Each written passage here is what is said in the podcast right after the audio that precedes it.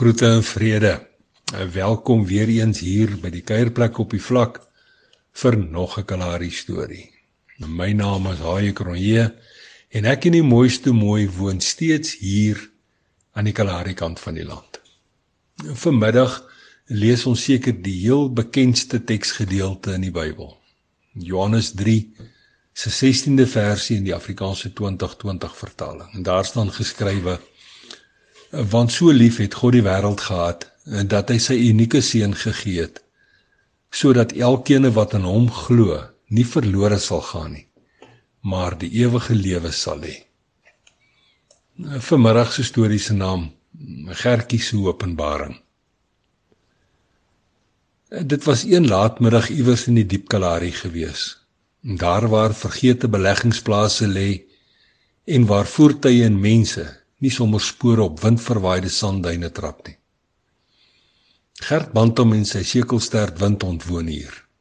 Hier in die Kalahari se alleenheid en in oorverdowende stilte. Ons ontmoeting was maar styf en die formaliteite van voorstel moeilik. Gertjie se oë bly soekend na die genade wa. Gewoonlik bring oorstaanders ietsie saam om te eet. Dalk 'n ou broodjie, 'n blikkie vis of selfs 'n pakkie broodmeel om ronde roosterkoeke te maak. En dit sal tog al te heerlik wees saam met die dag voor eergister se stukkie vleis wat die sekelstert wind ontgevang het. Ons gesels is maar vas en los. Eers handel dit oor die weer en oor die reën. En lateraan is daar ook vertel van die vetstert hammels wat nooit laasweek met die skaaplorry gehaal was nie. Gertjie, Is jy kerkmens? vra kom swaalf onverwags.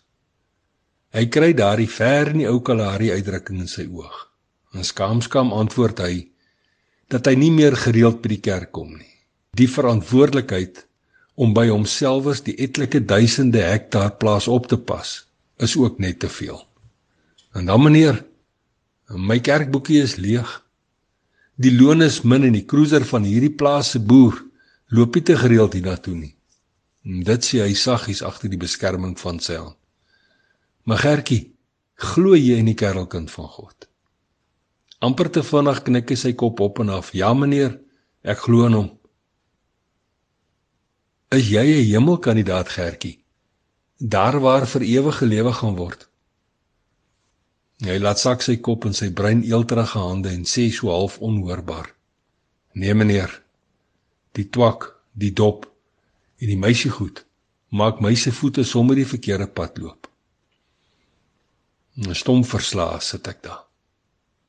Maar Gertjie, jy sê dan jy glo in die kerelkind van God. Ja meneer, ek glo, maar die verkeerde goed. Op my versoek gaan al Gertjie sy Bybel en begin die boek Johannes soek.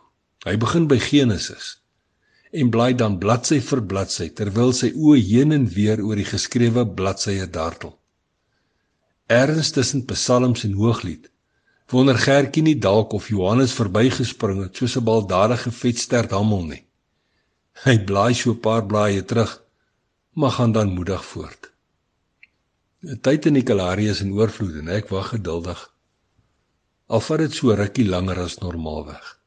Ek weet Gertjie se oog gaan wel vir Johannes kry. Maar so ontmoet hy vir Matteus en daarna vir Markus en en toe vir Lukas. En 'n diep sug van verligting weer klink oor die vlak toe Johannes sy opwagting maak. Hy maak keel skoon en begin die 16de versie van die 3de hoofstuk stadig in sy beste graad 5 Afrikaans te lees. Sy vinger met die swart naal waar die knyptang hom gevang het, lê woord vir woord. Dit gaan maar so hakkel hakkel, veral met die langer woorde. Uiteindelik is hy klaar en 'n sagte glans van verligting oortrek sy dor sonverbrande bruin gesig. "Wat nou?" vra hy woordloos. "Kyk maar vir die versie vir jou sê Gertjie." Antwoord ek hom met 'n teenvraag en begin sommer. Hy luister aandagtig wat ek aanhaal en probeer weer die versie opsoek in die Bybel. Ek is egter klaar met die 16de vers net voordat hy die regte plek kom kry.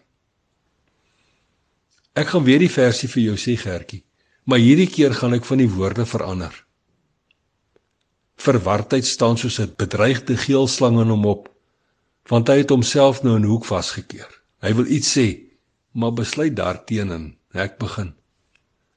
Want so lief het God vir Gertjie gehad dat hy sy enigste kerelkind gegee het sodat Gertjie wat in Jesus glo nie verlore kan gaan nie, maar die ewige lewe kan hê.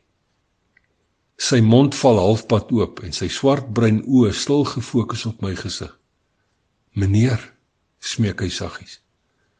"Sê tog weer asseblief." Ek begin met want so lief het God die wêreld gehad. Toe Gertjie my ewe skielik met 'n krakende stem in die rede val. "Nee, meneer. Sê hom sê hom met my naam."